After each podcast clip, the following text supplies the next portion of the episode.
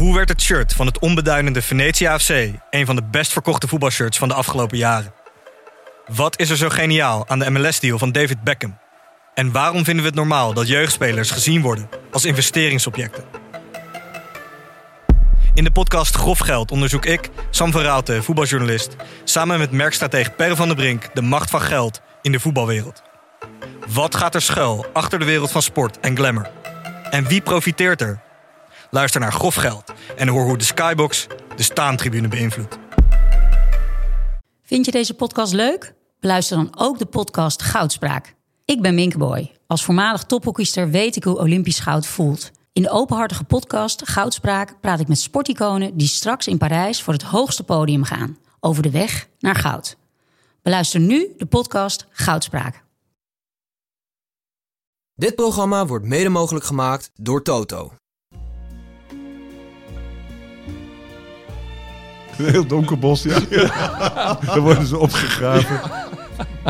Uniform uitgetrokken en eh, trainingspakje aan en uh, hup. And uh, there used to be a ballpark where the field was warm and green.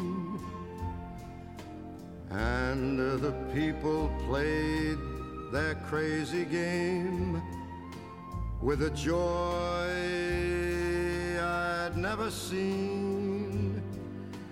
And the air was such Uh, welkom iedereen bij aflevering 72 van deze Hartgras podcast. Uh, Wessel Penning, onder andere bekend van het AD. En op de fiets heb ik lekker zitten luisteren naar Willem en Wessel. Ah, en wat vond je ervan? Nou, daar gaan we het zo meteen over hebben. Uh, Pieter van Os, uh, ja, uh, vindt zichzelf klinken als een bekakt mannetje. is, is hij dat ook? Of Ja, niet? shit, had ik niet moeten vertellen. Eh, nee, dat ben ik natuurlijk absoluut niet. Nou, vast. Uh, ja, ja, enorm voetballiefhebber, fantastisch journalist, schrijver. Ja, en Frans de Meese behoeft eigenlijk geen introductie meer. Elke week hier. Of, je bent een soort meubilair geworden. Ja, ik, ik heb een bed hierboven staan ook. Frans, ehm, we hadden het er eigenlijk over net voordat de opname startte. Er zijn doden te betreuren. Ja. Ik denk de allerbelangrijkste voor een literair eh, voetbaltijdschrift, Hugo Kamps. Ja, die was natuurlijk in, in, zekere zin al een tijdje dood. Hè, een schrijver is dood, denk ik, als hij ophoudt met schrijven. En hij is bij de NRC uitgeknikkerd een aantal jaar geleden. Daarvoor was hij een, eh, ja, nog wel een eh, opvallende stem in het, eh, in het sportjournalistieke koor. Vooral door zijn eh, ongebreidelde welbespraaktheid, die, eh, die af en toe moeilijk te volgen was, dat wel. Maar wel heel beeldend. Hè? Een beetje Jan Wolkers-achtig eh, soort eh, overdrijving. Het was een, een, een heel sentimentele man ook. Hij had een soort, koesterde denk ik een soort verleden van knoestige mannen. Hè, die door, door modder zwoegden en daar schoonheid uit probeerden te peuren. Dus ik, ik, het was wel een kleurrijke figuur. Hij kwam ook wel eens op tv, maar dat was in de tijd dat er nog gerookt werd. Dus dan zag je hem eigenlijk nauwelijks. Ik, ik herinner me zo'n programma met Johan Derksen en, en Hugo Kamps. Die allebei rookten. Dus die in een soort mist zag je af en toe wel een soort een flart van een gezicht opdoemen. En dan die bizarre welbespraaktheid. En eh, het ging altijd ook volgens mij over voetballers die eh, al lang overleden waren. En wiel- wielrenners, maar niet te vergeten. Het is een, eh, een Belg, Ja. moet ik erbij zeggen. Een enorme, een enorme Belg eigenlijk. In, in welk opzicht? Was het een enorme Belg? Nou, in de zin van een, het etaleren van een soort eh, levenskunst. Wat die Belgen heel goed kunnen etaleren, vind ik, moet ik zeggen. Ik weet nooit of... ze- Als je daar komt, zie ik er toch minder van terug. Maar het, eh, in, Exuberant taalgebruik. in verbaal eh, zijn het levensgenieters. Eh, voor de rest zijn het toch een beetje bange, bange mensen, net zoals iedereen. En de Belgen nog net iets banger, denk ik, dan Nederlanders. Maar de, de- hij kon dat heel goed verkopen, zal ik maar zeggen. Hè? Dat eh, goede wijnen, weet ik wat, eh, zes gangen diners en, eh, enzovoort. Mo- mooie vrouwen, hè? Dus, dat was een hele lelijke man, dus hij eh, was geobsedeerd door mooie vrouwen. Er wordt iemand gebeld hier aan de tafel. Ik ben toch, ben toch afgeleid. Ja. Wat ik als Wie, wie is het, Pieter? Ik ben toch nieuwsgierig. Een broertje.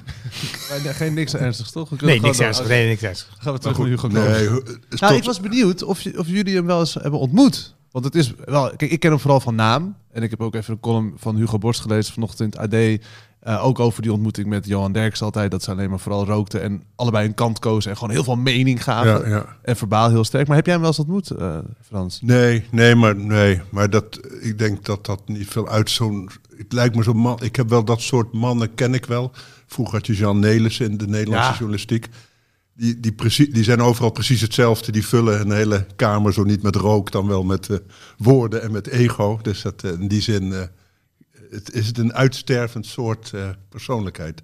Maar wel even aan het begin van deze uitzending een buiging eh, Jazeker. voor zeker, Hugo Kamps, ja. toch? Wel een Ja, hij hoort toch tot de mensen die, die, die, die van voetbal meer maakten dan het, het, volksvermaak. Maar die het als het ware een metafysische lading gaven. En het, het toch ook religieuze karakter van een, eh, van een sportbeleving ook konden, onder woorden konden brengen. En dat, eh, in Nederland heb je Jan Wolkers, denk ik, die dat het beste Mhm. heeft eh, ge- geëtaleerd. Maar dat eh, tuurlijk, en dat is in veel landen is dat heel gebruikelijk. Hè? In Brazilië of in Italië, Spanje doen ze niet anders stuk.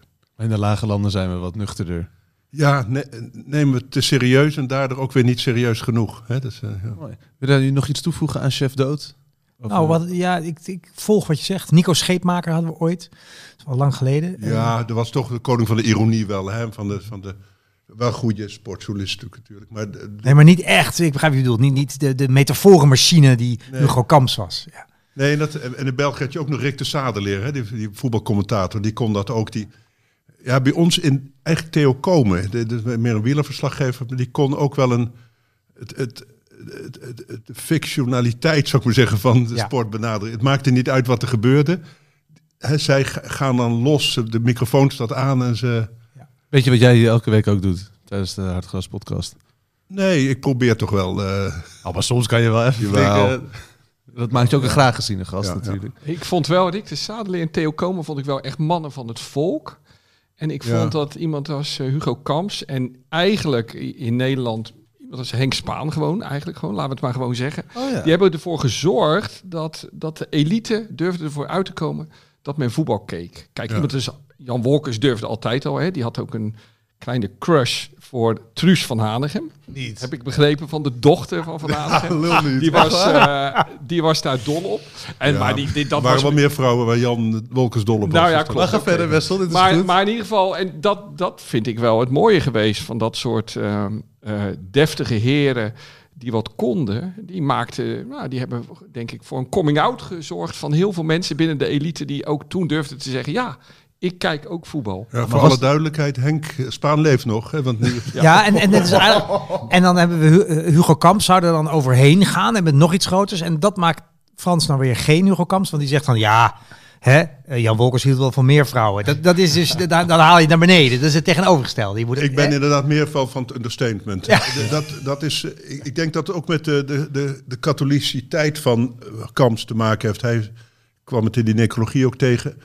Dat hij hè, in, een, in een kostschool gezeten heeft. eh, ja, ik zeggen, veel tekort gekomen e- emotioneel. En dat zie je dan hè, eh, terug in, eh, in deze overdrive die dan...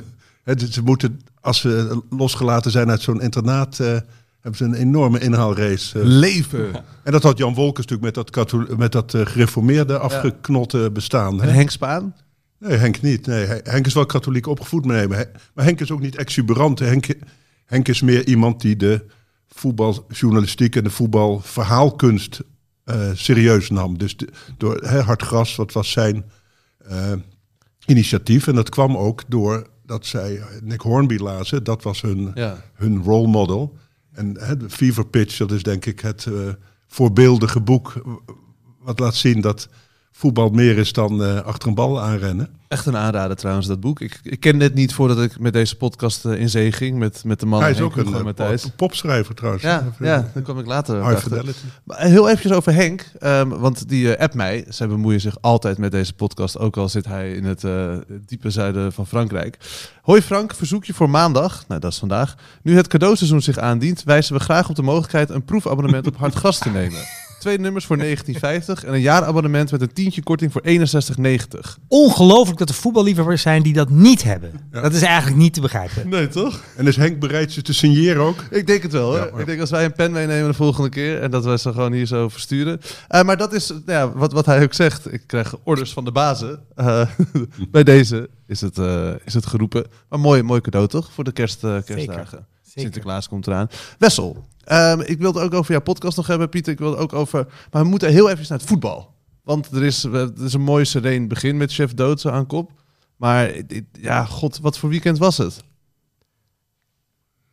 We kwamen, eh, ik, ik sprak Pelle net toen ik hier binnenkwam. Ik was wat vroeger dan jullie. En, en Pelle zei, wat een saai weekend. Ik heb het hele weekend, een weekend dat Feyenoord en Ajax niet spelen. Dat is, dat is, dat is- het voelt als de oude zondagen thuis vroeger toen ik nog klein was.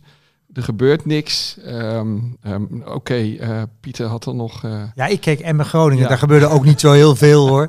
Er werden, kwamen ook, werden ook geen doelpunten gescoord. Dat je überhaupt Maar, kon kijken. maar volgens mij, als je zoals wij zo, en zeker als je weet dat je hier maandag zit, dan ga je toch lekker internationaal kijken ook en zo. En ik zag iets fantastisch, maar ik weet niet wanneer die wedstrijd gespeeld werd, want het was duidelijk eh, in de herhaling. eh League, nee, dan wou ik het bijna op zijn Frans zeggen. Gewoon de, de, de First League in Engeland, dus eigenlijk de derde divisie hè, onder de Championship, speelde Charlton Athletic tegen Ipswich Town. Ik weet niet of jullie dit mee hebben gekregen. In de 90ste minuut 2-2. En we hebben het hier de laatste weken best vaak gehad over mensen die eerder naar huis gingen. Ik geloof dat Frans het opnam voor de mensen die Ja, eerder ja, naar huis ja, eh, omdat hij in de Maserati... eh, Ja, want die in de Maserati- zijn naar IJmuiden wilde rijden. prioriteiten. Ik vind iedereen die met een Maserati naar het stadion komt, mag eerder Ja, weg. dat De rest blijft gewoon zitten. Ja, de rest blijft mooi zitten. En het werd beloond bij eh, Ipswich Town. Want er werd dus nog twee keer gescoord door Ipswich Town. Het stond dus opeens 4-2. En die jongens die vierden dat ook alsof ze de Champions League hadden gewonnen. Dus die lagen over elkaar. Er zat zo iemand onder die verkreukeld eruit kwam. En toen in die laatste seconde heeft dat rare Charlton Athletic is nog teruggekomen tot 4-4. Is er En het was vier keer gescoord? Is vier keer gescoord. En ik heb net even twee keer teruggekeken. Die scheids heeft niet vals gespeeld. Die zette gewoon de klok stop als er gescoord werd. Want dan mag er gevierd worden. En die tijd moest er dan afgaan van de blessuretijd. Dus het klopte. Eh, dus ja, je, je had er gewoon eh, moeten blijven. Ik vond het behoorlijk spectaculair in ieder geval. Ja, het, eh, als je denkt van hoe ga ik dit ooit zien terwijl ik naar deze podcast luister. Het circuleren fragment op Twitter ook. Zo heb ik het ook gezien. Volgens mij een fragment echt van acht minuten. Want nou ja, ik denk dat al met al het zo lang duurde. Met inderdaad als de, stop, of de tijdstop werd gezet. Maar dat was echt om je vingers bij af te likken. En dat compenseert het saaie weekend wel, Wessel. zeker, Wat, zijn ook wat altijd heb je gezien? Heb je wel iets gezien? Ehm, ik, heb, eh, ik kijk natuurlijk heel veel naar eh, Savi Simons. Die ik eh, vanaf dag één dat ik hem een bal zag aanraken. Het is heel raar, die jongen. Daar hebben we altijd over gehoord. Maar we hebben eigenlijk vijf jaar lang, behalve als je de League 1 kijkt, eh, hem, hem zelden zien spelen. En dan zie je dat het een rasvoetballer is. Ehm, dus ik kijk altijd met bijzondere belangstelling naar hem. Maar hij was gisteren niet, niet echt eh, eh, heel interessant in beeld. Maar ik wil, ik wil, wil het wel graag hebben over een, een, een net zo groot mens, een heel klein mens dus. Eh, een Nederlander in het buitenland eh, die me bijzonder is Oh, bij opgevallen. Leeds zeker. Ja, bij bij dan hebben dezelfde United. koning van de week. Ja. Dat dacht ik al toen jij net zei, ja, ik heb een hele moeilijke naam. Ehm, Maar dat, dat, ik, ik wil daar wel graag wat over vertellen. Ja. Crescencio Summerville eh, in, in, in, in Rotterdam en omstreken, dat ook maar een dorp is, net als Amsterdam natuurlijk, eh, hadden we het daar al lang over. Summerville, die komt eraan. En, maar ja, als je Feyenoord supporter bent, dan, dan leef je altijd bij voetballers die eraan komen. Ehm, en die er dan uiteindelijk nooit komen. Mooi. En zo ging het in dit geval natuurlijk ook. De tragiek van de Ehm, Feyenoorder dit. Prachtig. ik noem alleen wel, het is een, eh, een beroemd Nederlands elftal onder 17 dat eh, in 2018 Europees kampioen werd. Het elftal met Iatare, de broertjes Timber, eh Brobby zat op de bank. Summerville speelde vaak mee. Als je dat hele team ziet, dat, dat, dat is bijna allemaal doorgebroken in de Nederlandse competitie. Summerville is heel klein. En we hebben allemaal in ons leven wel eens met hele kleine voetballers gespeeld. Hij was echt klein. Dat was echt ongelooflijk. En, en dun en alles. Kon geweldig voetballen. Maar, ehm, ehm, en dat wist iedereen ook, is daardoor niet doorgebroken. Bovendien ging het in dat traject naar de Kuip toe, tussen, de, de, tussen het Varkenoord, eh, de toekomst van Rotterdam dus, zeg maar. Naar, naar de Kuip toe is het misgegaan. Is, eh, hij brak niet echt door. En op een dag kreeg hij ruzie in het veld met een speler. Ehm Crescencio Summerville, die kreeg ruzie met een verdediger uit zijn team. Een Hollandse jongen met wit haar. eh ehm, Knoester heette die. Hoe heette die? Knoester. Wauw. Kan het mooie. Ja, nee. Knoester heeft geloof ik nog bij nou, eh Heracles gespeeld. Dankjewel. Ehm, en eh, eh, dat ging dus mis. En, maar het erge was ook, die, die ruzie die ging door tot in de kleedkamer. En toen kwam er een van de grote broers van Summerville. Die ging zich ermee bemoeien. En eh, dat werd dus een vechtpartij. En dat is vrij traumatisch, begreep ik, voor de, voor de hele jeugdopleiding van Feyenoord. Nou ja, in ieder geval, hij werd uitgeleend aan FC Dordrecht. Ja, dat is denk ik het voorportaal voor het einde ongeveer. Ehm, heeft hij niet veel gemaakt. Hij speelde nog bij ADO. Ja, daar ken ik hem van. Ja. En daar ging het al wat beter. Maar nu zag ik eh, zaterdag opeens, eh, ik had hem al opgegeven. Hij ging op, uiteindelijk wilde hij bij Feyenoord niet verlengen. Zo'n speler wat bij Ajax vaak voor, voorkomt. Die dan naar ehm, Leeds United ging. Daar hoor je nooit meer wat van. dacht Die je. speelde Championship toen ook al, Leeds. Of speelde zij toen wel Premier Voor mij League toen al Premier League. Daar hoor je nooit weer wat van. Heeft ook jaren bij onder 23 gespeeld. En nu stond hij er opeens in. Ik ging eigenlijk kijken naar Leeds United Liverpool voor Sinisterra. En daar stond Summerfield in. En ik dacht, zo, die heeft krachttraining gedaan. Het kleine jongetje eh, had opeens van die, van die Depay-spieren, zeg maar. Mooi. En ehm, ja, maakte een prachtig doelpunt. Ja, Van Dijk die eh, had het nakijken. Ja. Hij komt tot, ongeveer tot de navel van Van Dijk. Hè? Ja, En dan staat die, die Alexander Arnold er nog naast. Maar ja, Ja. die kan totaal niet verdedigen. Die kan alleen heel Nee. hard rennen. Dus dat ja. Van Dijk daarvan in de war raakt. ja. En hij glipt er tussen die twee. Voor mij was het ook fascinerend, het doelpunt te zien. Want ik denk twee seizoenen geleden, had ik moeten checken natuurlijk, maar zat ik bij Ajax in de arena op de tribune en speelden ze tegen ADO. En ik had mijn dochter meegenomen, die voetbalt en toen nog maar 14 was. En die wedstrijd was vrij saai, want Ajax ging 4-0 winnen. Of, nou ja. Eh, maar die Summerfield, die kon duidelijk niet tegen zijn verlies, wat toch een goed teken is in het voetbal. Hè. Dus die bleef gaan en die speelde waanzinnig goed. Die kwam soms, eh, nou blind liep hij zo al helemaal lachend voorbij. En dan had hij er nog een paar... Dat, eh, Ja, nee, daar kijkt niemand van op. Twee jaar geleden misschien nog wel een beetje, maar... En, en dan, eh, eh, maar dan scoorde hij niet. Dus hij, hij, hij deed, had prachtige beweging, was snel. Nou ja, een kleine voetballer. Eh, en ik weet nog dat ik als een soort van, ja, noemen ze dat vandaag toch? Als vader vertelde ik mijn dochter, kijk, dat is, die heeft het dus niet helemaal gemaakt. Grote voetballer. Je ziet het, want hij kan niet scoren. En dat is dus niet waar. Dus ik kreeg mijn dochter gisteren, eh, echt van alle media, kreeg ik mijn dochter op mijn dak. Heb je die goal gezien? Heb je die goal gezien? Hij kan niet scoren, toch? Hij kan niet scoren. Maar was de, maar ik heb hem, ik heb hem Dat is een puntertje, maar het was wel heel mooi. Ja, het, het getuigde van klasse. Er Ja. was een klein gaatje, moest hij tussendoor. En Ja. toen zo'n echt zo'n zo'n rasvoetballerspunten. Savi Simons-achtige voetballer kan je het wel noemen. Alleen, hij werd gisteren toevallig 21 pas. Oh. Het kan nog steeds.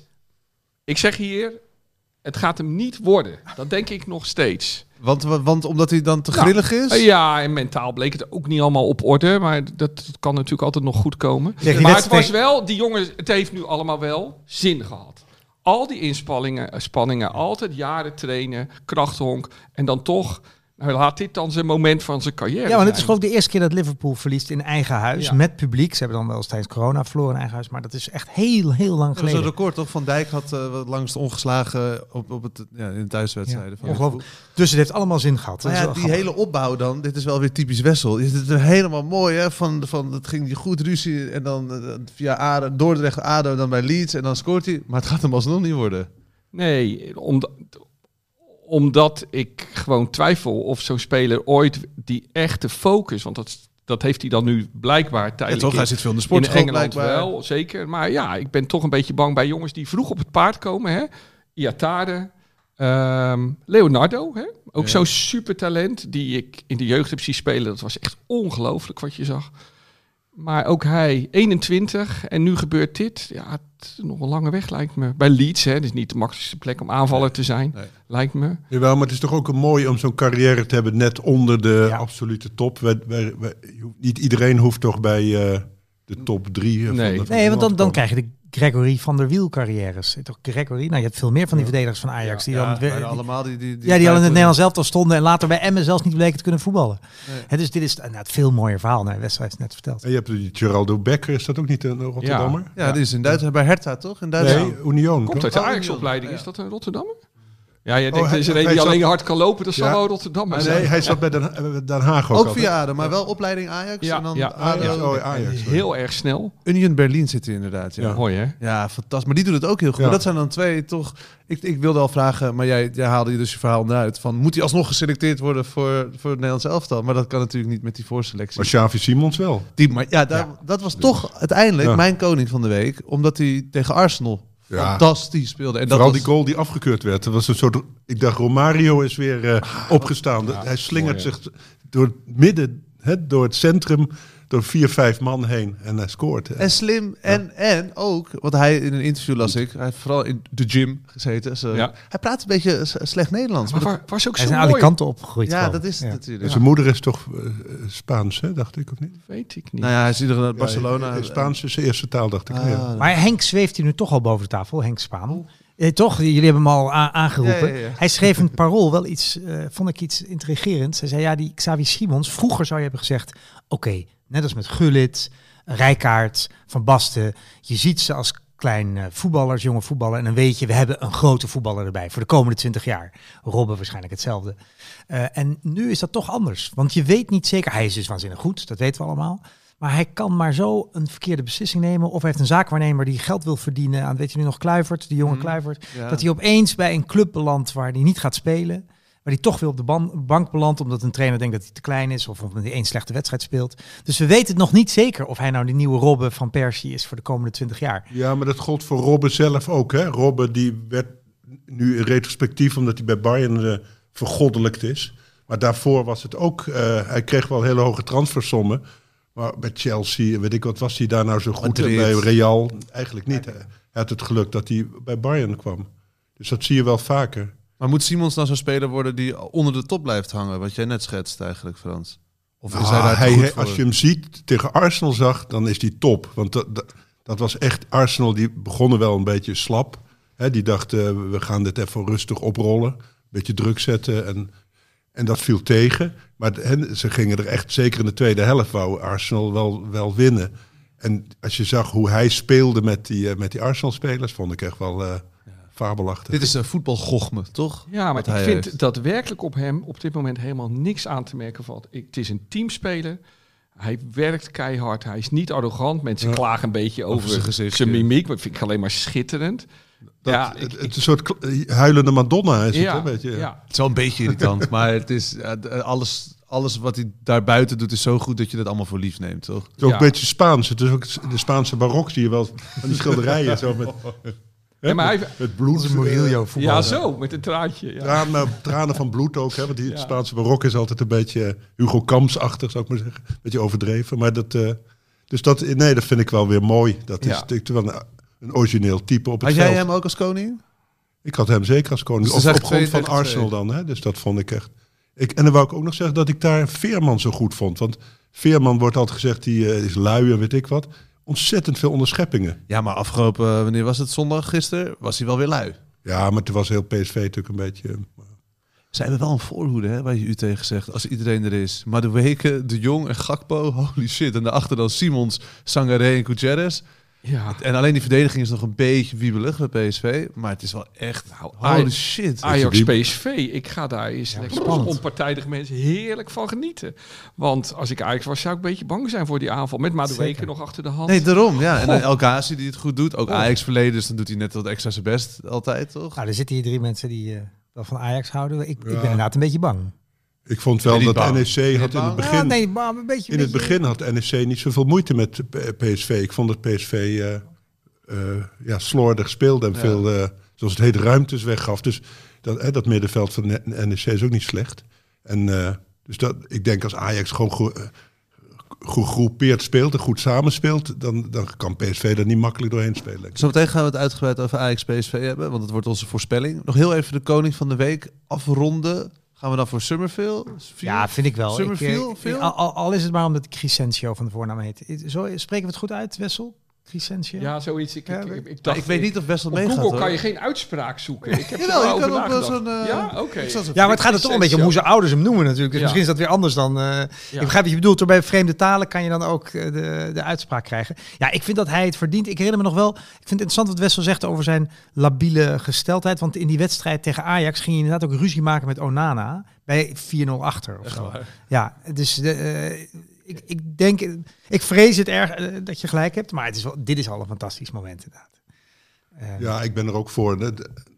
Eens, maar nooit weer, denk ik dan. Ja. Als we Wessel mogen geloven. Maar omdat het precies dit, want hij speelde niet bijzonder goed.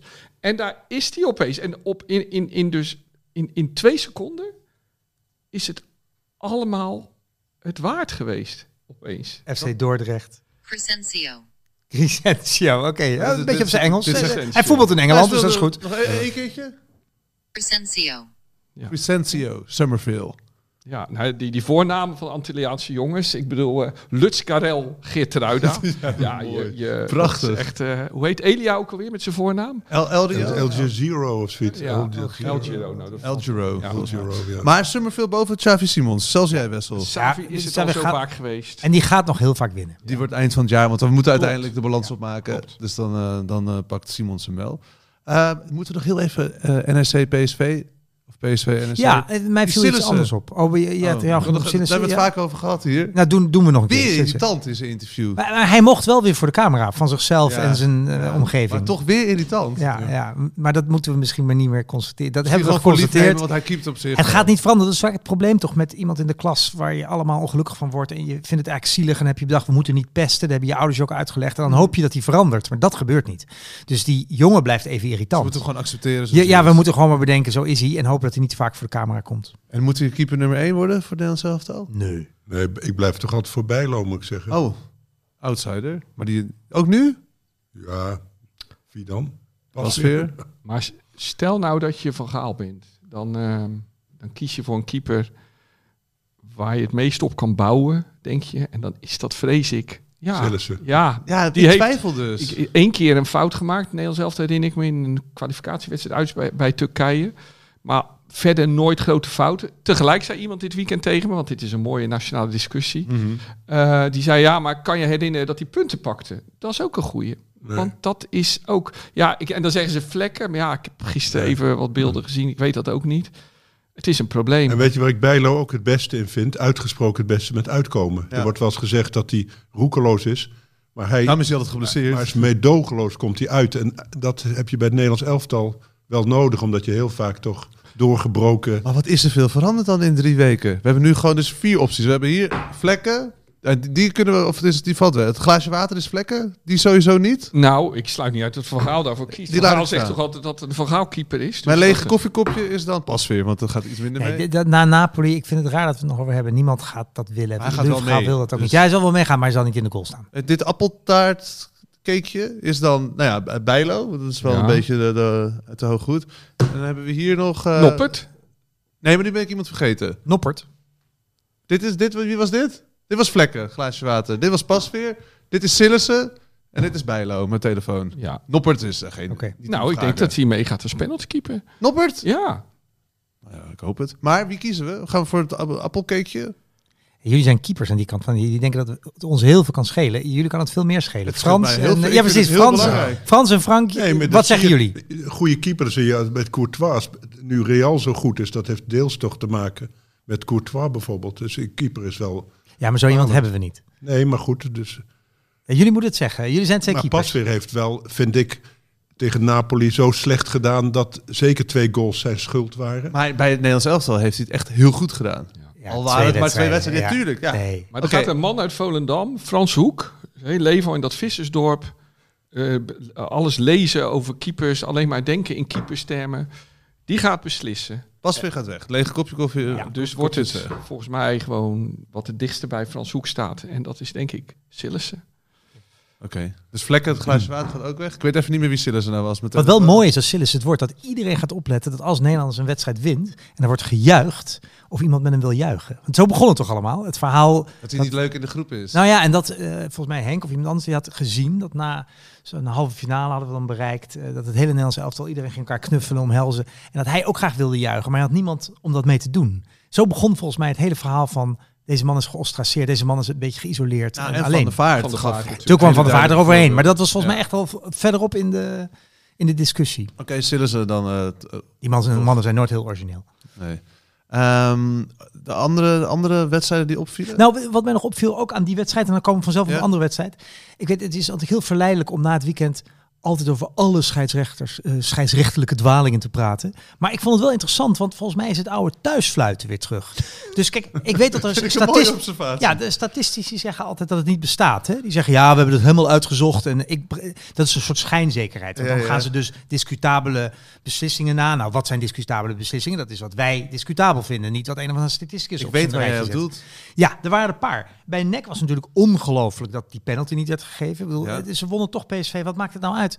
Maar hij zat er in zo'n stadion, hij, hij wilde gewoon de sfeer niet bederven, denk ik, die scheidsrechter. En ja, er zijn toch, toch weinig mensen van de tegenstander. Er werd iemand, even voor de luisteraar, er werd iemand met twee handen aan zijn shirt in het strafschopgebied naar beneden getrokken. Overduidelijk. En die kreeg geen penalty. ja. En dat eh, was een andere wedstrijd, Sparta Ja, en Fortuna. daar bij die wedstrijd vond ik ook nog dat eh Luc de Jong wel hinderlijk buitenspel stond. Ja, en heel makkelijk. eh, Want uh, er was een soort scrimmage om de bal en hij stond wel in die baan van die bal.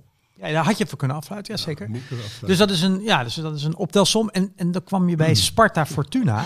En natuurlijk vind ik het allemaal heel leuk als, die, eh, als Fortuna verliest. Want dan heb je de opwinding van de, de grote Turk. Hè, en dan heb je de opwinding van die coach, die ook niet helemaal spoort. Wat natuurlijk heel leuk is. Daar kijken we sturen sport voor. Eh, en Sparta speelde thuis. Ehm, en die kregen geen ja, dus Sparta, Fortuna kreeg geen panel. Terwijl die vriend, een hele sympathieke vent, die ook zijn eigen podcast heeft, hè, de Core podcast, dus we gunnen het hem, maar die ving de bal gewoon in zijn handen. Ja. Die ving hem in zijn handen en toen gooide hij hem weer weg. En hij zei zelf na de wedstrijd, ja, ik schrik een beetje van de beelden. Maar het voelde voor mij niet als Hens. En ik maar dat was echt mooi. En hij zei ook, ik blijf de vermoorde onschuld Ja, ja, dat is ook heel mooi. Ja. Heel mooi. Maar het was natuurlijk bizar dat, dat, dat, we hebben nu een VAR, maar er zijn toch kennelijk psychologische factoren. Hoezo waardoor- wordt de ja. VAR niet ingeschakeld Nou, ik denk, ja, maar die wordt wel. Ik denk dat de VAR altijd wel. Het, gewoon heel belangrijk. De, de relatie VAR-scheidsrechter. Dus eh, heb je een topscheidsrechter, licht arrogant eh, en niet vriendelijk naar zijn. Ja, naar, naar zijn collega's, die, ja, die, die, die, daar gaan ze liever niet tegen in, denk ik, of zo. Ik denk dat dat echt heel erg een, eh, een probleem is. Ja. Want ja, durf maar eens even te corrigeren.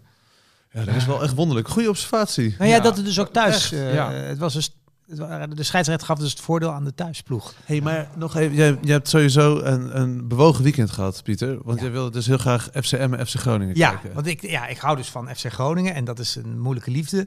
En ze hadden net van PSV gewonnen, dus veel opwinding. Eh, serieus, ik keek echt uit naar die wedstrijd tegen Emmen. Dat is toch, hè, dat is om de hoek. En eh, die, misschien gaan ze Emmen gewoon met 5-0 verslaan. Dat, eh, het is een keer 4-0 geworden daar.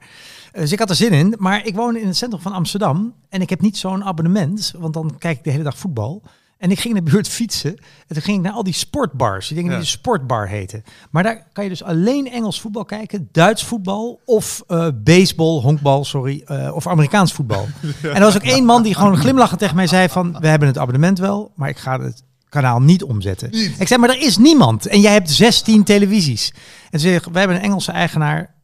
Jij bent niet belangrijk. Gewoon de Eredivisie doet er niet toe. Nou, uiteindelijk vond ik op het Torbekkenplein dan wel een plek waar je alleen helaas hele vieze kip eh, nuggets-achtige dingen kon eten. Om el het was 12 uur hè, die wedstrijd. Dat is niet heel En wat aantrekkelijk. dronk je daar dan bij, bij die kipnuggets? Ja, nee, heel lafjes. Eh, water met prik heeft iedereen. Maar je hoort daar dus inderdaad van die grote pullen bier eh, te drinken. Dat begrijp ik. Maar het was een wedstrijd die wel wat bier had verdiend. Het werd 0-0. Ik verrat me op van spijt. Maar eh, ach, het, het, ook, het voelt ook wel goed. Is En Emma kon op het einde nog winnen, geloof ik. Ja, die hadden het al best kunnen winnen. Die hadden een paar keer een kansen. Wij hadden het als, oh, wij, sorry, FC Groningen had ook een geweldige kans. En dat was een, dat is, vind ik, dat ben ik benieuwd naar wat jullie mening is. Dat was een, een voorzet. En die was volgens hem zelf te hard, zei hij na de wedstrijd. Ngonge. maar, volgens mij was is ook vervelend manneke. Ja, is een het zal vervelend nooit manneke. zijn schuld zijn schuld zijn. Nee, het is veel- maar ik dacht misschien is het ook een kunstgrasprobleem. Oh. Dat op gewoon gras was hij er wel ingegaan. Dat kunstgras dat stuit toch hard Ja, en ja. raar. Eh, ondertussen spelen onze kinderen allemaal op kunstgras. Tenminste, mijn dochter spelen op kunstgras. Ik weet niet hoe. eh, volgens mij is dat de hele jeugd is kunstgras. Maar het is toch echt nog steeds anders. Hoe goed dat spul ook wordt. Absoluut, ja. Dat eh, hebben, wij zelf ook ervaren, denk ik, toch? Als voetballers op kunstgras. Zeker als keeper, maar ook als voetballer. Een soort, zaalvoetbal is het. Ja. Ja. Maar ja, hij had er gewoon in die bal. Ja. Want hij raakte hem. Hij, kijk, als hij hem niet eens raakte, dan begrijp ik dat hij echt te snel of te hard was. Maar hij raakte hem nu en hij raakte hem gewoon verkeerd. Wat kan gebeuren, maar leg dan ook de schuld Ja. Bij Nee, het was een beetje maf om die jongen die de assist noemen, wat het gewoon voorzet, gaf, om die de schuld te geven. Dat was prima eh, vind je, ja, spits? Pe- Pepi, Peppi. Ja. Ja, ik ben natuurlijk heel blij dat hij er is. Want hij heeft gewoon een nummer negen gedaan. Ja, hij Ja. heeft een paar keer, eh, maar tegen Emmen heeft hem gewoon 90 minuten... Ja, hij deed mee. Ja. Dat was het. Maar hij deed helemaal niks. En wel, heeft Groningen een probleem? Ja, maar ze blijven er wel in. Oké. Ja, ja, ja. Ze hebben ook de vijfde begroting, of 60 geloof ik, van de Eredivisie. Coach. Hoe Dus- kan je nou die coach halen, die Frank Wormoed? Hoe kan je die nou halen? Je hebt best wel gewoon hè, goede coaches. In Nederland, in het buitenland. Nee, hij is inderdaad hij is een Nederlander.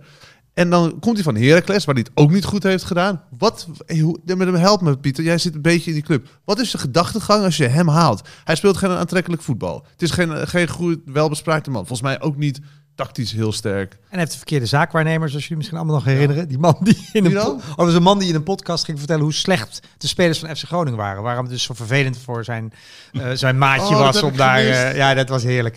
Maar ehm, nee, dus de, eh, onbegrijpelijk. Ik weet daar, ik woon toch te ver van Groningen Ja, om dat eh, te weten. Jij, ik, Wessel? ik vond die Wormoed altijd wel. Nou, ik, ik hou altijd wel van rustige, verstandige Duitsers. Daar hou ik altijd wel van. Ik schakel even naar Frans. Ja, die, die zijn moeilijk te vinden, maar het is...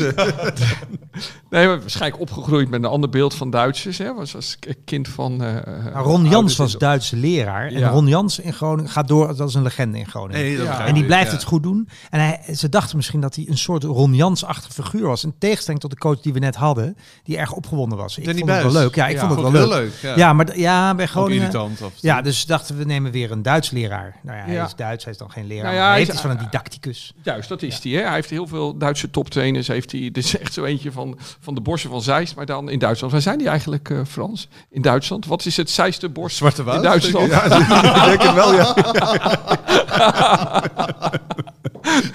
Een heel donker bos, ja. Daar worden ze opgegraven.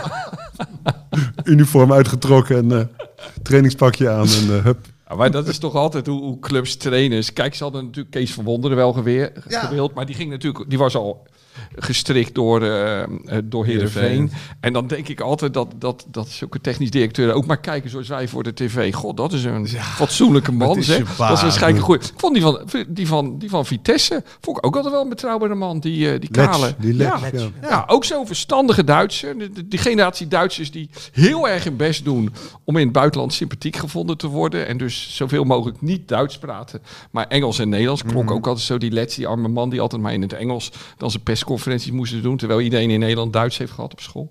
Maar goed, dat, eh, In tegenstelling tot de man die PSV een tijdje geleid heeft. Die deed niet echt zijn best. Maar die is ook weer weg. ja. Die het heel goed doet bij Benfica. Ja, ja. Dat is wel weer opvallend. Ja, ja. Ehm, ik zit toch even te denken of er nog een andere wedstrijd echt opviel dit weekend. Ik heb alles wel zitten loeren. Wat is me nou niet echt bijgebleven? Ja, gewoon het gemis van, Nou, van Feyenoord en Ik heb nog wel een vraag aan jullie. Die, eh, er was opwinding. De Tottenham was heel boos. Die Conte heeft een rode kaart gekregen. ehm, eh, omdat er een Guzebujuk, was die het? Of was het? Het was een Nederlandse scheidsrechter. Nee, het was niet Guzebujuk. Sorry. Het was, eh, eh, we gaan weer even naar... eh Makkeli? Makkeli, dankjewel. Makkeli die gaf dus nog een bui, die keurde een goal af na het fluitsignaal. En eh, je las heel veel over de opwinding. Maar ik heb dus nergens teruggezien met de rode lijntjes en de blauwe lijntjes enzovoort. Had hij nou gelijk, onze Nederlandse scheidsrechter? Weten jullie dat? Nee. Ik kijk even Ik heb hem niet eh, gevolgd. Ik ben ook niet zo een vriend van scheidsrechters, moet ik zeggen. Dus ik vind Ja. het... eh, nee, dan eh, moeten we nogmaals naar Pelle kijken. Van Boekel zei dat het geen doelpunt was. De vierde, Oh, de VAR, de Nederlandse VAR. Zei dat Nou, dan wordt het nog wat. Dan Maar wat het wel is met die Nederlandse scheidsrechters, makkelijk voorop. Ze, ze worden een beetje vervelend arrogant. Ze, eh, ik vind ook die Hichler allemaal best wel middelmatige types. Maar ze lopen rond alsof ze het voetbal hebben uitgevonden. En met die gebaartjes. En, en Makkeli heeft dat nu eh, ook. Die denkt ook dat hij internationale top is enzovoort. Dus wel, eh, Dus ze moeten eigenlijk gewoon Zorgelijk. eventjes, eh, Nou, dan moeten we dit even volgen, want Conte die Ja. laat het niet bij zitten. Hè? En die zei ook, ik, die gaat ervan uit dat Tottenham meegaat in zijn klacht tegen de UEFA. En als je dat zo openlijk zegt, dan moet Tottenham wel heel sterk in de schoenen staan. Ja. Dus de directie enzovoort, om daar niet aan mee te gaan. En het is of Conte eruit, of we strijden, eh, bevechten dit. ja, ik denk dat dat... op ja, dat ja, dat is een paar dagen later is het altijd allemaal Ja, weer een ja. beetje anders.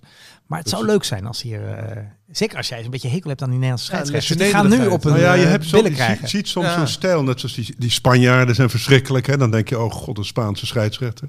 Maar het heeft misschien ook te maken, ze zijn het vak zelf serieuzer gaan nemen. Ik zou ook die Taylor, die Engels vind ik ook zo irritant, dat die kale.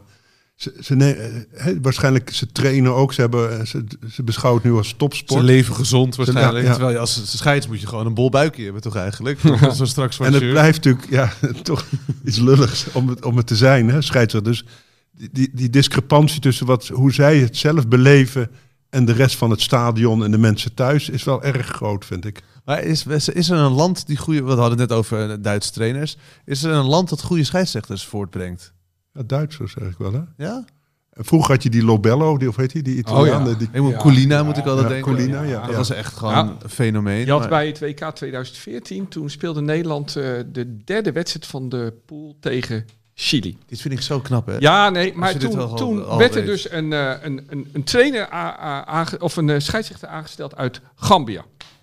Nou, Johan Derksen en dat soort programma's. Nou, dat kan niet. Hoe kan er zo'n man, ze zei net niet Apeland, maar hoe kan er zo'n man uit zo'n eh, eh, bananenrepubliek, hoe kan die worden aangesteld? Nou, die man die floot een voortreffelijke wedstrijd. Maar dat is natuurlijk het, het, het absurde idee. Hè? Wa- wa- Was er toen van uit het hele grote continent Afrika daar kan natuurlijk niet één goede scheidsrechter uitkomen, Bizar, ja. dacht Johan Derksen. Onmogelijk.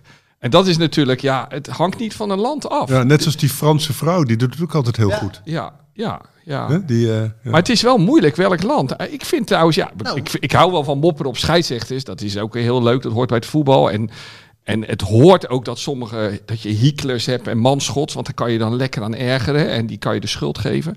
Maar ik vind als je in de Champions League naar topwedstrijden kijkt. Naar de scheidsrechters van tegenwoordig, hoe die niet meer fluiten voor mannen die zich laten vallen, die het spel door laten gaan. Ik vind ze wel echt heel erg verbeterd eh, ten opzichte van vroeger hoor. Ik vind het wel echt een vak geworden. Ja, zo En dat is die arrogantie en ja, ik, ik wil Makkeli ook niet tegenkomen buiten een stadion. Maar, maar ik vind Zo dat wel niet. gewoon een goede scheidsrechter. We zullen weer makkelijk niet tegen. Nou Ja, dat is toch iemand, dat is toch iemand die je niet in je kennissenkring wil. Dat is toch gewoon een, zo'n gladianus. Ja, nee. Nee, nee, hij is hetzelfde. Het zijn hele, ja, Johan Derks vindt dat dus een leuke man, maar dat zijn hele, ja, dat wil ik inderdaad ook niet in mijn nee, vriendenkring. die nee, maar ik, ik denk dat je gelijk, ik denk dat je helemaal gelijk hebt. En het gaat natuurlijk niet om land. Eh, Nee, laten maar we- dat was gewoon even nieuws. Ja, laten we tuurlijk. Gambia zeggen dan. Gambia, laten we dat zeggen. Ja. Hoe gaat Ghana het doen op het WK? Ook een goede vraag. Ja. Goed, ja. Nou, en? Nee, ik denk heel ver. Ik denk dat we heel ver gaan komen. Dus eh, ik heb er zin in. Ja. Maar hoe, hoe zitten jullie in het WK? Hebben jullie er dan een beetje zin in? Want wij gaan met de podcast gaan we weer uitzendingen maken, weer afleveringen maken. Vandaar dat we ook taart hebben. Maar, maar zit, is de sfeer al wat beter? Want de vorige Nou, keer ik, heb hier wel, zat, ik echt- in de Pieter van Ostenkrant, de NRC, dat uh, Carolien Roelands is een specialist eh, op het gebied van Midden-Oosten, wel een van de experts in Nederland. En die relativeerde eigenlijk het, eh, het mis- de mishandeling van de, van de arbeidsmigranten in Qatar. Ze zei, ja, dat gebeurt overal. Dus het, Qatar wordt nu eh, exclusief gestraft voor iets wat zelfs in Nederland gebeurt. Ga maar kijken bij de kippenslachterijen en weet ik wat. Hè, en, en Maar ze organiseren het WK, dus je ligt niet Ja, maar ik, ik, ik ga Frans dus even aanvullen. de selectieve Zeker. verontwaardiging wordt is wel erg, ongelooflijk. wordt wel erg groot. Ja. Hè, dus het, ik wil het niet goed praten en er zullen zeker hele akelige dingen zijn gebeurd. Maar, Nee, maar dat is zeker waar. Kijk, het maar dan allemaal- moet je ook, als je zo daarmee begaan bent en er zo geëngageerd over bent, moet je ook het in de EU en weet ik wat overal aankaarten. En dat gebeurt niet. Dus het is een beetje een gratuit. Ja, ik, ik ga het heel erg aan, ben het heel erg met je eens. Ik denk ook, het is natuurlijk misgegaan met, met het vergeven van dat toernooi aan Qatar. Daar zijn we allemaal boos over en daar zijn we terecht boos Ja. over. Maar om dan nu alles te gooien op dat land, dan denk ik ook, ja, dan maak dan maar eens een lijstje waar jij allemaal WK's wil organiseren en niet. Frits Barend komt natuurlijk wel op televisie. Het is wel alsof, weet je wel, eh, eh, en dan krijg je gewoon toch ook een beetje het sentiment van, het is een schande, wij mogen daar niet zijn, want dat zijn allemaal vreselijke mensen die vreselijke dingen doen. Als er dan iemand iets genuanceerd zegt, van ja, Qatar ook best wel belangrijk voor ons. Die hebben ons geholpen met Afghanistan, dat klopt. Hè, dus eh, Ze hebben heel veel gas. ja, Was onze, ja, wij konden mensen uit Afghanistan halen dankzij Qatar. Ze hebben heel veel gas en allemaal dingen waar je over kan praten. Zegt ja, die lui, het maakt hen toch helemaal niks uit wat Nederland doet. Dus het is een raar, maar, maar als dat zo is, meneer Barend, dan is uw gebaar om daar niet te gaan voetballen totaal gratuit. Hè, dus eh, u zegt eigenlijk, of jij, deze Frits Barend, zegt dus je eh, moet daar niet naartoe, want je moet een gebaar maken. Maar op het moment dat iemand zegt, nou Qatar zal het wel eens kunnen opvatten als een gebaar, zegt hij, oh ja, maar dat, dat, dat onzin, zal, dat kan ze toch helemaal niks schelen. Wie zijn wij nou eigenlijk helemaal? Nou, we zijn heel wat, we zijn een heel rijk land, Nederland. Qatar is overigens ook een heel rijk land. Het kan ze ook wel wat schelen, want ze reageren voortdurend. heel veel schelen. Australië had weer hè, een protest en dan meteen die emir schiet weer in de, in de stress. Dus Ja, het, het, Het kan ze dus heel Ja, veel ja, schelen. ja. En, en dat, dat klopt dat dus die arbeidsomstandigheden zelfs al enigszins verbeterd zijn door, door ons misschien wel in zekere zin, door Engeland vooral, hè, omdat we daar bezwaren tegen maken. Hè. Dus in dat opzicht ja, kan je zeggen dat eh, het organiseren van zo'n WK ook nog wel iets doet in, in eh, Qatar.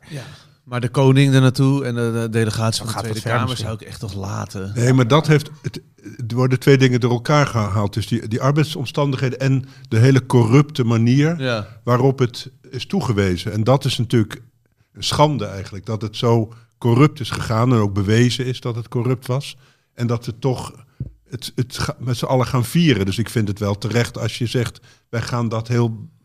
We, tolereren dat het daar is, we kunnen het niet terugdraaien. Maar we gaan niet eh, met eh full Monty daarheen. Ja, maar vind ik het ook nog wel een argument dat je een, een groot sporttoernooi speelt in een land waar, laten we de mensenrechten in ieder geval gewaarborgd zijn. Dus moet je ook niet naar China gaan voor de Olympische Spelen, vind ik. En misschien wel niet voor het WK voetbal naar Rusland.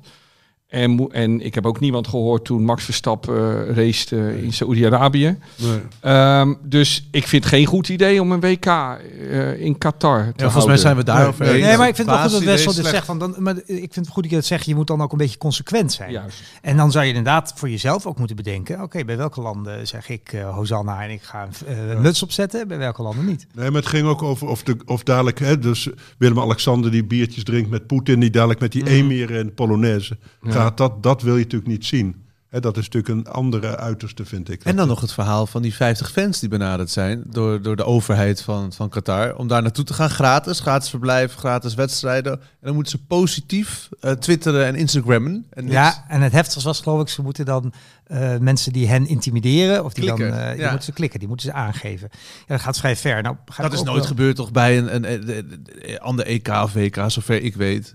Nou, ik denk bij elk sponsorcontract staan deze dingen erin. Het is gewoon, je bent gewoon gesponsord door, door Qatar. We hadden Dus eerder dat Heineken je jurkjes alleen maar positief mag berichten over jouw sponsor. En dit is toevallig een land, maar die Qatar die staan op allerlei shirtjes. Dat klikken, dat is toch, dat is toch een beetje eng. Ja, maar ik denk dat het is ook wel vlek op vlek. Qatar heeft nu, eh, we zoeken nu natuurlijk naar dingen waar we kunnen zeggen, moet je kijken wat een lijppoos. Want je hebt wel, weet jullie nog de Heineken jurkjes of de Bavaria jurkjes? Hè, en ik geloof dat in Amerika toen eh, het WK daar gehouden werd, toen waren wij nog niet gevoelig voor dit soort dingen. Maar dat de FIFA- Zuid-Afrika was het toch? Oh, in Zuid-Afrika, oh ja, dat eh, Amerika is langer geleden, dat is 94. was recent. Misschien begonnen die Bavaria jurkjes was in Zuid-Afrika, maar ik geloof dat in Amerika al contacten waren afgesloten dat bedrijven niet eh, reclame mochten maken in de omtrek van zoveel kilometer rond die stadions als ze niet een contact met de FIFA hadden. Dus ja, de FIFA neemt je land over hè, als je je WK of in ieder geval de stad waar eh, gevoetbald wordt. Ja. Ehm, en dat, ja, nu gebeurt dat in Qatar, is natuurlijk extra gruwelijk, want we hebben een hekel aan die lui. Ja, en er zijn mensen om het leven gekomen bij het bouwen van die stadions. Dat heb ik ook niet eerder Ja. gehoord eh, met andere EK's en WK's.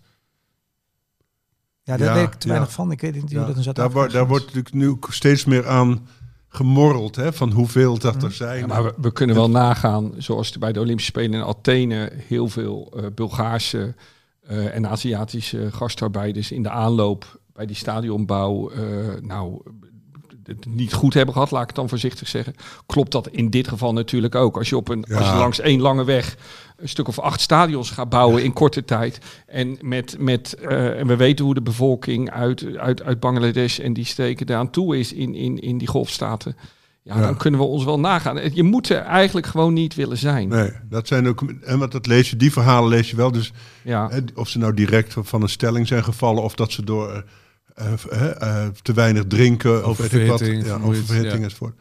Tuurlijk, dat neem ik meteen aan dat dat gebeurt daar. Maar Sorry, we hebben het al heel lang over gehad, maar eh, de, FIFA en Qatar halen we veel door elkaar. En ik ben het helemaal met Wessel eens, we hadden daar nooit moeten zijn. Dat WK er niet. Het WK is er nu. We moeten wel een beetje eh, in de gaten houden waar FIFA de schuldige is Ja, en waar is een goeie, Qatar. en niet ieder land is hetzelfde als jouw land. Ja, we spelen in het buitenland. Dus in het buitenland zijn ze anders. Nou, en ze wilden toch ook, althans Sepp Blatter wilde heel graag nieuwe paradijzen ontdekken om Ja. voetbal te spelen. Dus, dus eigenlijk is hij gewoon het, eh, Maar dan ging die niet naar Gambia. het kwaad. Nee. Eh, heel- nog, even- we hadden het net over reclame maken. Ehm, ik wil eigenlijk heel even reclame maken voor jouw nieuwe podcast. Want het is toch, ja, we hebben het er toen de vorige keer, denk ik, drie, vier weken geleden over gehad. Toen vond je het best wel spannend. Ik vind het heel spannend. Ook ja. al heb je al best wel veel met Willem van Hanegem al gedaan op, Ja. op, op werkgebied. En je, je kent hem inmiddels ook best wel goed. Hier zit een man naast mij, die kent hem ook heel goed. Ken je het verhaal van het naakstrand? ken ik heel Ja. goed. Hij ja, vertelt het met liefde nog een keer. Ja, hoor, ja. nou, ik, ik verwijs naar oudere afleveringen van eh Scroll maar eventjes terug. Maar jij maakt sinds een paar weken een podcast met Willem van Hanegem. Ja, nou, ik, eh, Hoe is het? Ik ken Willem ik, toen ik eh, kind was. Toen, ik, ben, ik, ben, eh, ik heb een geheugen als voetballiefhebber vanaf 1972. Nou, dan, dan heb je het mooiste van Feyenoord ongeveer gemist. Maar Van Hadegem was... van Hadegem was ik- extra tragiek van Wessel. hè? mooi, zeker. je bent al Rotterdammer en Feyenoord-fan en dan heb je nog... Maar ik hoorde iedereen over Van Hanegem. Dus ik maakte iedere dag een tekening van Willem van Hanegem. Ik kan niet tekenen, maar met viltstiften. Zo ging dat toen en zo. En, en, en nummer 10 op zijn borst. Ook raar, want dat zit altijd op zijn rug. Maar in ieder geval... zie je, kon zijn rug niet tekenen. Willem was natuurlijk wel echt wel een, eh, een idool in eh, Rotterdam en omstreken. Altijd. Probeerde je ook een beetje met kromme benen te lopen of dat niet? Nee, dat niet. Maar hij is ook wel de voetballer die wij eh, eh, allemaal wel een beetje willen zijn. Eh, heel slim, eh, briljante paasjes geven en zo. Dus, dus dat, die heeft wel alles in zich. En ook lekker eigen gereid, wat we eigenlijk ook allemaal wel een beetje willen zijn, anders zaten we hier nu niet. Jij zegt beste voetballer na Johan Cruijff in je Nou, podcast. daar kan je natuurlijk wel over twisten. In maar, Nederland, maar, maar eh, ik zeg al tegen mijn zoon, kijk naar de beelden van 1974 en kijk naar ja, de, geweldige voetbal. Ook in het probleem oplossen. Hè, dat, dat je, hoe je uit eh, moeilijke situaties redt. En daarbij, ja, Kruif van Hanegem, dat was natuurlijk een geweldig samenspel. In ieder geval opgegroeid met Van Hanegem. En ooit kwam ik professioneel met hem in aanraking. En eh, eh, dat is best eng. Hè? Dat zou iedereen, eh, dat vindt iedereen een beetje met Willem. Dat is natuurlijk een... eh, ja, dat, dat- is dat zo? nou ja, dus Willem is natuurlijk wel een, kan, kan, kan vrij afstandelijk en arrogant overkomen. In werkelijkheid, honderden gesprekken, telefonisch en in het echt. verder is dat een enorme lieve goedzak. die enorm van voetbal houdt en daar heel veel verstand van heeft. En dus ik heb altijd gedacht, nou, we moeten een keer iets doen. Ik dacht altijd, ja, moet ik nou een boek over hem gaan schrijven? Omdat we eigenlijk, ja, bevriend, bevriend, durf ik een beetje niet te zeggen over hem. Maar ik mag hem graag. ik, eh, ik heb in de sportjournalistiek gewerkt en gelukkig altijd onafhankelijk geweest. Ik ben er maar vier jaar in geweest. Maar over één iemand wil ik qua voetbal geen kwaad woord horen. Omdat ik gewoon dat een bijzonder lieve, aardige man vind. Dus toen was mijn plan eh, om een podcast met hem te doen. Eh, de Willem podcast wilden we hem noemen. Maar ja, er is al Willem podcast. Ja. Die is van Holleden. Ja, Willem dus Holleden. toen wilden we Willem van Hanegem podcast. En toen zei iemand, ja, laten we er de Willem en Wessel podcast van maken. Gewoon een wekelijks gesprek. Alleen over voetbal. Dus niet over politiek. Niet over randzaken, niet over nieuw stadion. Puur over voetbal. Nou, en dat... eh, het stukje wat ik heb gehoord ging wel over dat hij in slaap was gevallen op de bank. ja, maar Ging dat is een altijd beetje leuk. Wil- Wil- Willem komt altijd wel met aparte verhalen. Nou, en vooral wat me opviel, want hij keek dus de wedstrijd van donderdag eh, tegen Stoemgras, wat heel tragisch, echt op zijn Feyenoords afliep. 1-0 Ja. verloren in blessuretijd. Maar dat hij dan om 10 uur in slaap was gevallen, dus de tweede helft had gemist. Dan om 4 uur s'nachts wakker wordt op diezelfde bank. Dan niet zoals wij even ons telefoon erbij pakken en kijken hoe het is geworden. Dat hij gewoon die tweede helft integraal gaat terugkijken en dan ook zich nog steeds opwindt om kwart voor vijf s'nachts dus dat ze 1-0 verliezen in blessuretijd. en op een gegeven moment gaat uitzoeken waarom zet hij die ene speler niet in. Hij had de uitslag dus al kunnen weten, maar hij vindt dat er een kopsterke verdediger bij had gemoeten. Dus, nou ja, dus dat gaat hij dan ook nog uitzoeken. Dus hij beleeft die hele wedstrijd om vier uur s'nachts nog live. Maar goed, dat is dus Willem. Dus nu heb ik een wekelijks gesprek met hem. En dat vind ik best wel spannend, want je moet Willem tot wasdom laten komen. Willem moet goed kunnen praten. Willem kan heel nors zijn en dan grapjes maken. Dat vind ik niet zijn leuke kant. Zijn leuke kant is de enthousiaste Willem. Met een enorm geheugen van spelsituaties. En altijd wel, eh, Frans, waar wij voor altijd aan verbonden zullen blijven... is aan het WK 1974. Het mooiste voetbal ooit gespeeld. En als je dan iemand kan spreken die haarfijn... ieder spelmoment van toen nog weet... Ah, mooi. en, en, en, en op de kamer sliep met Kruif altijd. Ehm, ja, dat, dat, die, die man, ik, denk dat, ik, ik dacht, ja, Kruif is dood. Willem is er nog. Laten we daar zo lang mogelijk van genieten. Nou, hij had inderdaad in die, in die periode was er geen betere spelverdeler, want dat heette toen nog zo, Ja. eh, dan Willem van Hanegem. Die, die kon iedereen vrijzetten voor het doel. Hè? Dus die, het mo- het mooiste buitenkant links, dan precies op, eh, hè, laat ik zeggen, tussen, tussen twee spelers door. En, da, en daar, Cruijff heeft daar veel aan gehad, bijvoorbeeld. Hè, Cruijff was een, een speler die eh, graag de bal zo kreeg. En hij was, behalve dat hij fluwele techniek had, een van de meest gemene spelers, denk ik ook, die Nederland had. Ja, ja. Maar hij kon echt, omdat hij zo robuust was, dat heel onopvallend, hè, een beetje onhandig doen lijken. Die man is nu, hij is nu 78, hij is nog steeds een muur. Ja. Dat is een muur gewoon. Dat, dat, dat is gewoon een en al kracht. Dat, waardoor hij dus ook niet zo snel was. Nee, hij, ik, als, als ik aan hem denk, staat hij altijd stil met de bal. Beetje, Zidane had dat ook een beetje. Die had ook niet zo nodig om veel te Maar te Modric lopen. loopt ook niet veel. Nee? Modric ook niet. Zo- Nee. Zo'n soort speler was Ja. het. Ja, mooi. Ik hoop, Wessel, dat je een keer vraagt naar zijn tijd bij de Chicago Fire. Ja. Want, eh, Dat is jouw afdeling altijd. ja, want ik heb ooit een boek Chicago geschreven. Sting. Oh, dat was Chicago Sting? Oké. Ja. Ik heb ooit, eh, soms eh, veranderen die clubs dan weer van naam, dus later is het misschien wel anders geworden. Maar die, eh, ik heb ooit een boek geschreven over Johan Cruijff in Amerika en dan kwam ik ook wel Willem van Hanegem tegen. En wat, wat ik daaraan herinner, maar vraag het hem of vertel me hoe het zit, dat hij anders dan Johan Cruijff, Johan Cruijff kwam daar en die had direct een behoorlijk grote mond, die ging het voetbal introduceren en veranderen en die had een televisiepraatje. En, terwijl Willem van Hanegem, die kwam in Chicago en die dacht hoge gebouwen. Eh, die ging in zijn hotelkamer zitten. Nou, die had door dat je daar 300 kanalen had. Toen heeft hij twee weken, drie weken televisie gekeken. Een paar wedstrijden gespeeld. Toen dacht hij, ja, nee, dit is niks voor mij. Nee, Willem is teruggegaan. Toen is teruggegaan. Dus dat begrijp ik. Willem is daar lang gebleven. Het gezin Oh, is oké. meegegaan. Ze hebben geweldige herinneringen aan de tijd. Oh, dan klopt het helemaal niet. Oh, hebben- goed ik denk dat jij nu het eh, door de war haalt met Dick Advocaat. Die was daar zwaar ongelukkig. En die ging dan van die zwijmelmuziek eh, draaien. En dan ging die, ging die hij komt altijd terug in eh, interviews met advocaat. Nee, de familie van Hanegem heeft daar echt genoten Oké. van, eh, van de jaren. Maar Willem wou nooit toch in het buitenland spelen, omdat hij geen buitenlands eh, kon. Want hij kon toch in zijn hoogtijdagen naar AC Milan of It- Italië. kon Nee, toch? naar, naar, naar Olympique Marseille, Olympique, geloof ik, oh, en zo. ja. Nee, dat wilde hij. Maar dat heeft hij toen, puur voor het geld natuurlijk, aan het eind van zijn carrière wel gedaan. Maar daar hebben ze wel hele goede herinneringen over. En het leuke is wel, hij weet, dat was een rare tijd. We hadden het pas over, er was een wedstrijd in Nederland geweest met te weinig speeltijd. Of dat die wedstrijd de hele tweede helft stil lag. Ja, bij Feyenoord was dat. Met die scheidsrechter, die hield het spel zo op.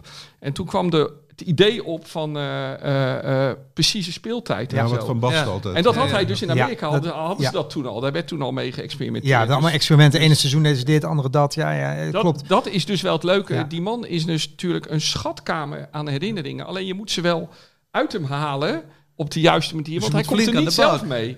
Ja. En dat is het zware. Een beetje ouwe hoeren zoals hier over voetbal. dat is natuurlijk heel makkelijk. Ja. Maar, maar Willem van Hanegem iedere week goed ondervragen zonder domme dingen de te Kuip. zeggen. Dat is wel leuk ook. Je zit echt in de kuip. Ja, in een business unit ja, Ja. van een recyclingbedrijf. Ja, je zit flink reclame te maken, hoor. Willem en Wessel podcast eh, vanuit het AD. En laatste, allerlaatste dingetje van deze podcast. We gaan voorspellen. Ajax PSV. We hadden het er al eventjes over. Wordt volgens mij spannend. Frans, jij was optimistisch voor Ajax. Nou, ik, nee, optimistisch is, te veel gezegd. Want PSV is natuurlijk een, eh, toch een betere vorm dan, eh, dan Ajax. Dat moet ik natuurlijk wel eh, zeggen. Overduidelijk. Het is wel zo'n typisch zo'n wedstrijd waar, ja, dat kun je niet. Hè, de vorm van tevoren zegt niks. Dat zijn wedstrijden op zich. Dus ik denk dat Ajax dat bepaald niet licht gaat opvatten. Dus dat wordt een enorme clash. Ik denk 2-2.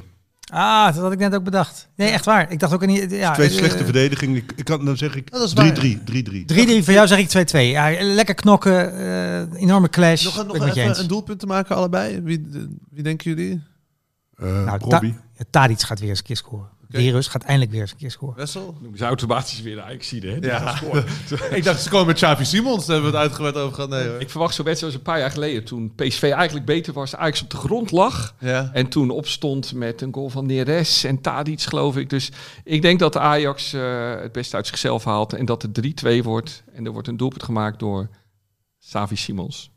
Mooi, mooi. Ja, er wordt veel ges- 5-3 werd het natuurlijk met de Johan Cruijff eh, schaal. Eh, ja, ik, ik, ik, ik denk dat PSV misschien wel gaat winnen, maar ik ben ook ajax dus ik ga dan, dan op inzetten. Jij zei 3-2, hè? Dan zeg ik 4-3 voor Ajax. En zowel El Ghazi als Bergwijn scoren tegen een oude ploeg. Hm. Dat, is, dat Oh ja. zorgt wel voor een beetje extra vuurwerk. Eh, dat waren de voorspellingen. Jongens, ik denk dat we aan onze taart kunnen. Want die eh, staat on... Ja, ja, jij hebt een klein hapje genomen, Pieter. Maar ik vond het toch... Ik durfde het niet aan om tijdens deze podcast te gaan eten. Sinds ik Jules Deelder uienboord heb zien eten bij Jinek. eh, Wat heeft hij gegeten bij? Uienboord, dat haalde die uit zijn Wat is binnenzak. dat? Ja, ja. Nou ja, dat weet de Dat is een Rotterdammers. eh, Rotterdamse arme mensen traditie. Dat zijn uiers van een koe. En die, eh, die, hebben, die, hebben, koe? die heeft die hele generatie, naoorlogse generatie, heeft dat thuis gegeten toen er bijna geen eten was, vlak na de oorlog. En dat is nu een soort mythische status heeft dat gekregen. Dus er zijn uienboord-evenementen in Rotterdam. Maar ik begin er niet aan. En hoe eet je dat? Die, Nou, zou het niet weten. eet het Ja. altijd gewoon met zijn handen. nee, maar hoe wordt het bereid, bedoel ik? Wel, wel gebakken of gekookt, toch? Ik mag hopen dat ze het een beetje grillen of zo. Het zag er heel wit en bleek Ja. uit. En, en hij deed het erom in die uitzending. was het even had- armoede vieren. Ja, het ging geloof ik over nostalgie. Over, Ja, ik- ja, maar ze vinden het lekker. Het is, het is armoede eten. Dat, dat, Ze vinden het lekker. ja, ja, ja, die Ja, generatie. ik zag Jules Dus, het wel smakelijk. eh, Ja.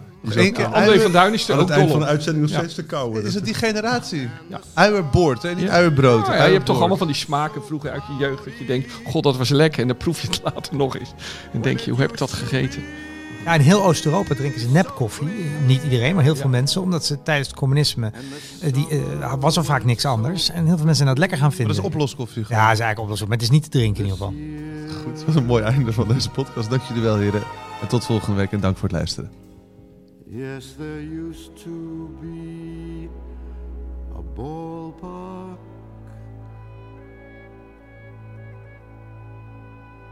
right here. Hartgras is een podcast die geboren is uit het blad Hartgras. Van papier, ja. Gek, hè? Neem daarop een abonnement. 17,50 voor een proef die vanzelf weer ophoudt na twee nummers.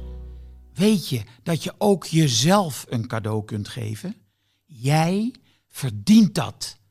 Ga naar hartgras.nl. Beter dan een oestermes. Of een hoed. Dit programma werd mede mogelijk gemaakt door Toto.